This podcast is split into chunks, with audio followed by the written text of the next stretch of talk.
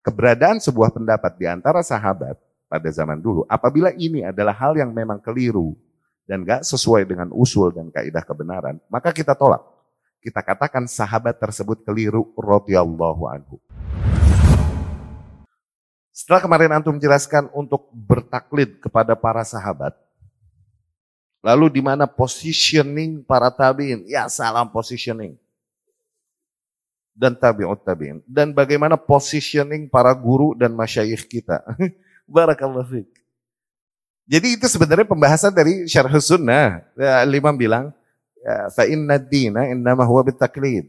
Wa taklid lin Nabi sallallahu alaihi wasallam ashabi.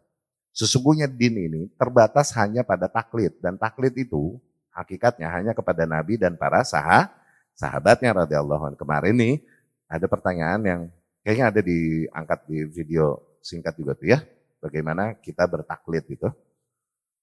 E, kita menjelaskan tentang bagaimana posisi para sahabat radhiyallahu anhum ya, dan bagaimana konsep ahlus sunnah di dalam menempatkan para sahabat bahwa yang kita yakini maksum dari para sahabat adalah ijma'nya bukan per individu. Taklid itu sama satu generasi, jangan satu oh orang karena satu orang mah bisa jadi dia tahu yang lain nggak tahu atau dia nggak tahu yang lain tak tahu. Bisa jadi dia tepat, bisa jadi dia keli keliru per individu mah, tapi nggak keluar kebenaran itu dari generasi terse dari maka taklid jangan sama satu orang, tapi sama segenera segenerasi begitu.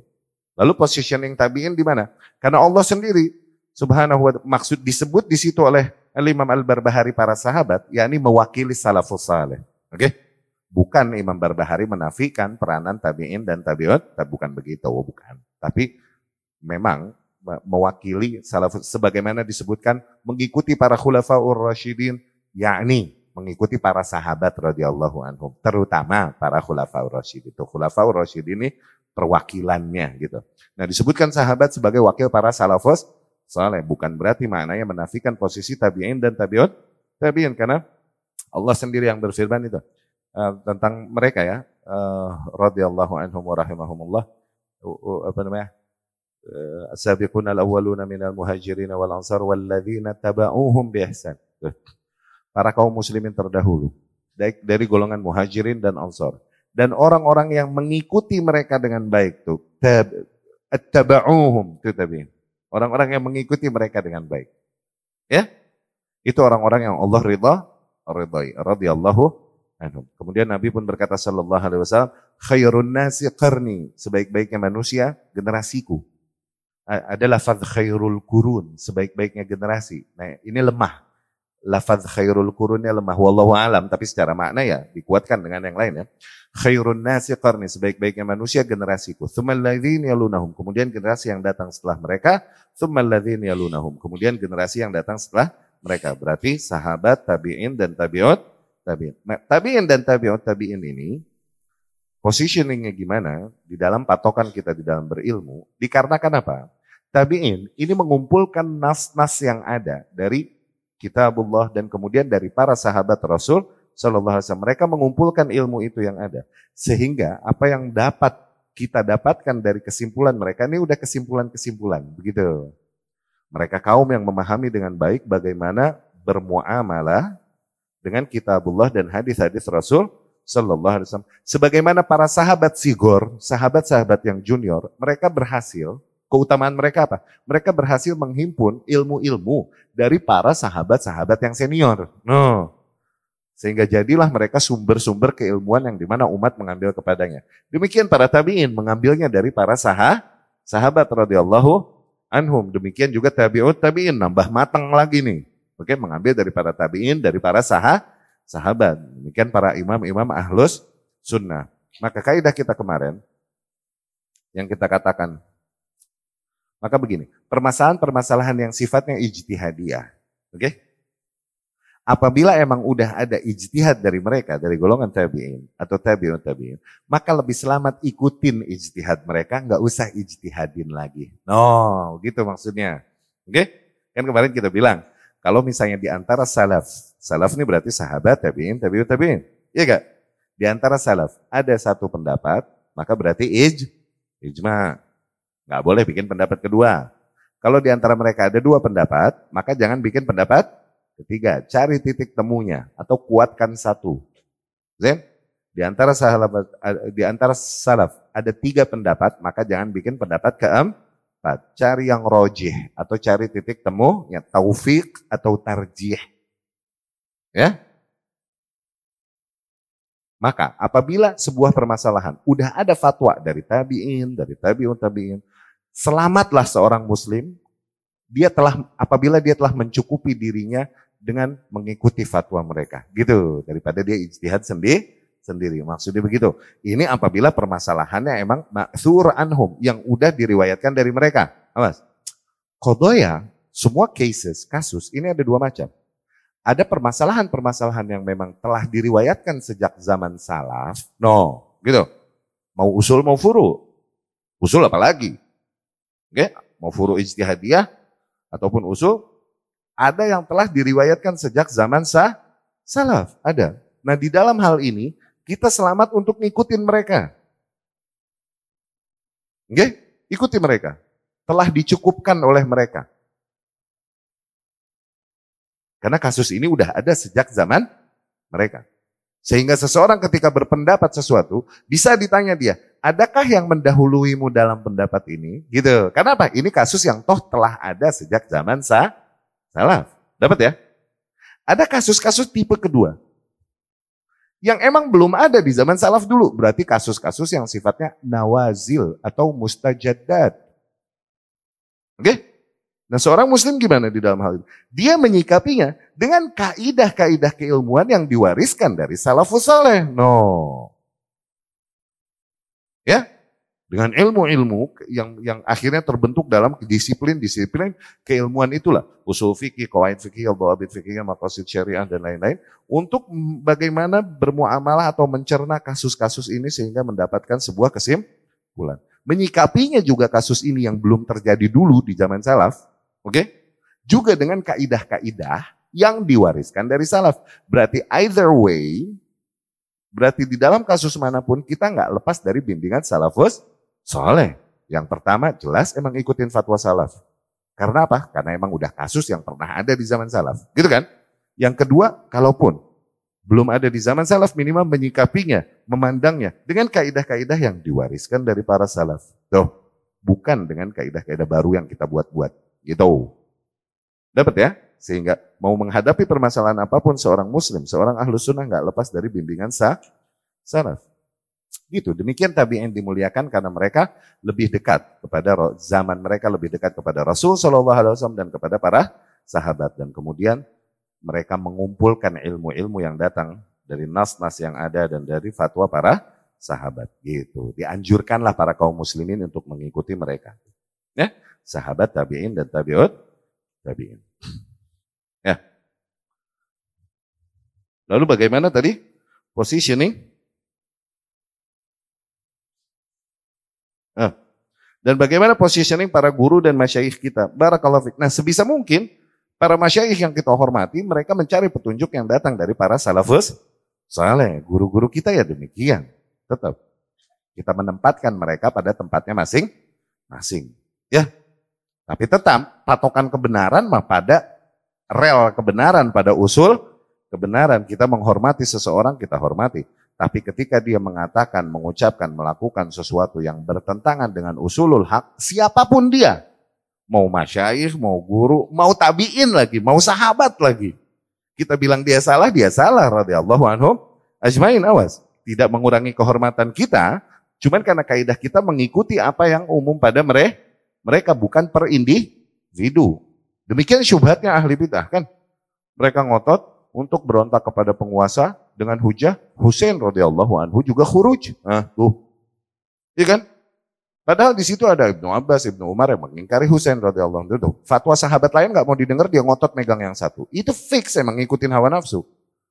Jadi nggak jadi patokan keberadaan sebuah pendapat di antara sahabat pada zaman dulu. Apabila ini adalah hal yang memang keliru, dan gak sesuai dengan usul dan kaidah kebenaran, maka kita tolak. Kita katakan sahabat tersebut keliru radhiyallahu anhu. Toh, tabiin tersebut keliru, keliru mau tabiin lagi. Ketika bertentangan dengan usul kebenar dan pasti para sahabat dan para tabiin sekitarnya mengingkarinya, pasti fix. Di situ sportifnya kita sama hak. Faham ya? Zen? Mau muridnya siapa lagi ya ini? Nafi' bin Azruk. Muridnya siapa? Ibnu Abbas radhiyallahu anhu. Murid besar Ibnu Abbas. Wah, boleh nggak seseorang akhirnya membenarkan semua yang dikatakan Nafi? Kenapa? Dia kan muridnya ya, Ibnu Abbas. Tidaklah mengatakan demikian kecuali orang yang emang mau menyesatkan manusia. Wasil bin Ato, mendiri Mu'tazilah, murid siapa? Al Hasan Al Basri. Eh. Kalau salah salah, mau murid siapa lagi? Hasan Basri nya mungkin rahimahullah. Kalau salah, ya kita bilang salah, jangan muridnya. Nggak ada urusan. Iya gak? Kita hormati ulama, kita hormati. Demikian para guru dan para masyayikh. Kita hormati mereka, kita hormati. Cuman ada usul dan kaidah hak ini yang jadi pegangan ke kita. Ketika keliru mereka bertentangan dengan usul ini, kita mesti ingkari, kita ingkari. Kita lepas. Mau murid siapa lagi? Oke? Mau siapa lagi? Sahabat radhiyallahu anhum di level para sahabat kita katakan keliru ijtihadnya keliru radhiyallahu anhu. Tuh. Level tabi'in keliru, keliru. Said bin Zubair kita bilang keliru, keliru banget. Rahimahullah. Sampai akhirnya madarat besar terjadi. Berontak. Said bin Zubair. Ya, kita bilang keliru, keliru. Baik. Apalah lagi masyaih. Kalau misalnya ada di antara masyaih yang yukhalif usul al-haq berselisih atau menentang usul di antara usul-usul. Ya kita kita bilang itu syekh salah. Nggak ada urusan, kita tinggalin. Loyalitas kita buat usul hak ini bukan buat oh orang. Mau guru kita lagi, nggak ada urusan. Jadi kebenaran patokannya itu pada kaidah kebenaran yang datang dari nas-nas dan dari kaidah-kaidah yang datang dari salafus bukan pada individu individunya atau muridnya atau gurunya nggak ada urusan. Ya nih orang nggak punya guru dia benar ya dia benar karena nggak bertanya. Orang punya guru nih guru dia salah ya dia salah mau murid siapa lagi gurunya lagi kalau salah ya kita salahin nggak ada urusan. Ya nggak ada urusan. Sejak kapan kaidah kebenaran adalah dilihat dia siapa, generasi siapa, atau dia murid siapa. Sejak kapan itu jadi kaidah kebenaran? Sejak kapan? Tidaklah mengatakan demikian kecuali orang-orang kayaknya nggak perlu dalil deh. Maksudnya nggak perlu fatwa ulama untuk hal tersebut. Ya, itu cuma perlu akal salim dan fitrah yang salimah. Nah, nah penyakit setiap zaman ada aja yang kayak gini nih ngotot kepada untuk ngikutin individu-individu padahal kebenaran telah dikenal dikenalnya, mengutamakan individu daripada kaidah kebenaran, daripada qala Allah dan qala Rasul. Ini yang Ibnu Abbas greget sampai marah ketika masalah haji uh, mut'ah itu tamattu, haji tamattu itu sampai Abu Bakar uh, apa Ibnu Abbas berkata Rasul sallallahu alaihi wasallam bilang begini, dibantah katanya Abu Bakar sama Umar begini kok dulu begitu. Marah dan dia berkata, "Yushik an tanazzal alaikum hijarah minas sama." Hampir kalian dihujani batu dari langit. Aku lakum qala Rasulullah sallallahu alaihi wasallam. Aku katakan pada kalian Rasul bersabda.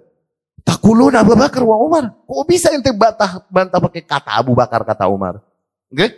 Apakah Ibnu Abbas menentang Abu Bakar dan Umar? Loh, enggak. Dia menghormatinya. Cuman lu salah menempatkan Abu Bakar dan Umar. Faham enggak? Sama kayak Imam Ahmad bilang, rahimahullah, menghadapi yang taklid-taklid nggak jelas begini nih. Taklid nggak ilmiah pada zamannya. Ajib tu min kaumin alimu al isnad wa sihatah. Aku nih takjub melihat sebuah kaum, dia faham isnad. Dia isnad itu metodologi hadis. Oke? Okay? Wasihata, dia tahu mana sahih, mana doh. Doif. Yadhabun ila Sufyan, tapi ngotot ngikut Sufyan Sauri mulu apa-apa. Tuh, katanya udah belajar, tapi kok apa-apa Sufyan, Sufyan, Sufyan. Tuh lihat, penyakit ini penyakit yang ada tiap zaman sayangnya. Oke? Okay? Sehingga burem seseorang dan tetap buta dari kebenaran karena pengikutin seorang tokoh yang dia yang ditokohkan atau dia murid tokoh yang besar ngotot aja ikut dia. Padahal udah jelas dia mengkhilafi hak yang ada. Penyakit ini penyakit tiap zaman ada emang ujian. Ya.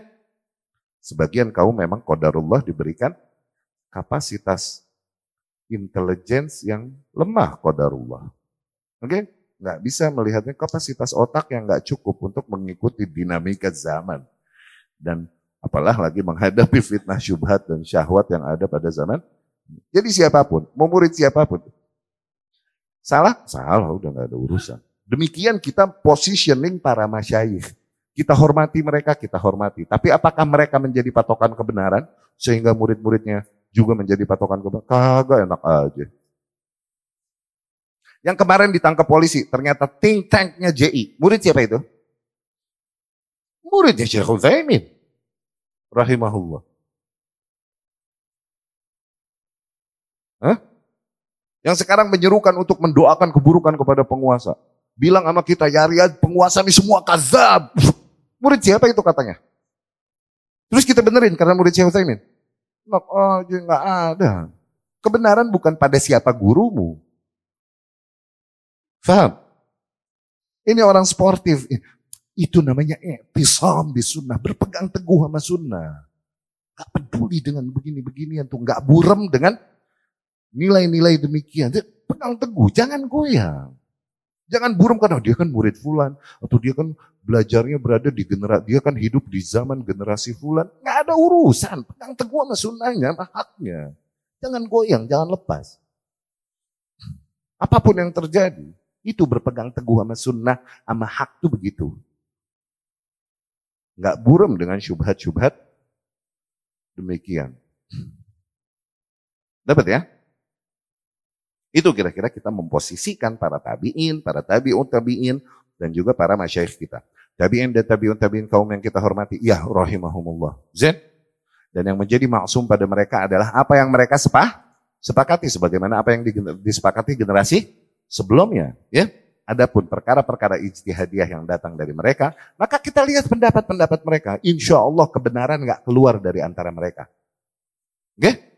Nah kemudian, perkara-perkara yang belum pernah terjadi pada zaman mereka, kita sikapi sekarang dengan kaidah-kaidah yang kita wariskan dari mereka. Ya? Dengan kaidah-kaidah yang diwariskan dari para salafus saleh dan dari para imam-imam yang mewariskan ilmu para salafus Saleh, begitu udah. Jadi either way, dalam kasus mana pun kita nggak keluar dari bimbingan para salafus saleh. Itu salafi. Kaum yang taklidnya kepada kaidah hak, bukan kepada makh, makhluk. Ya,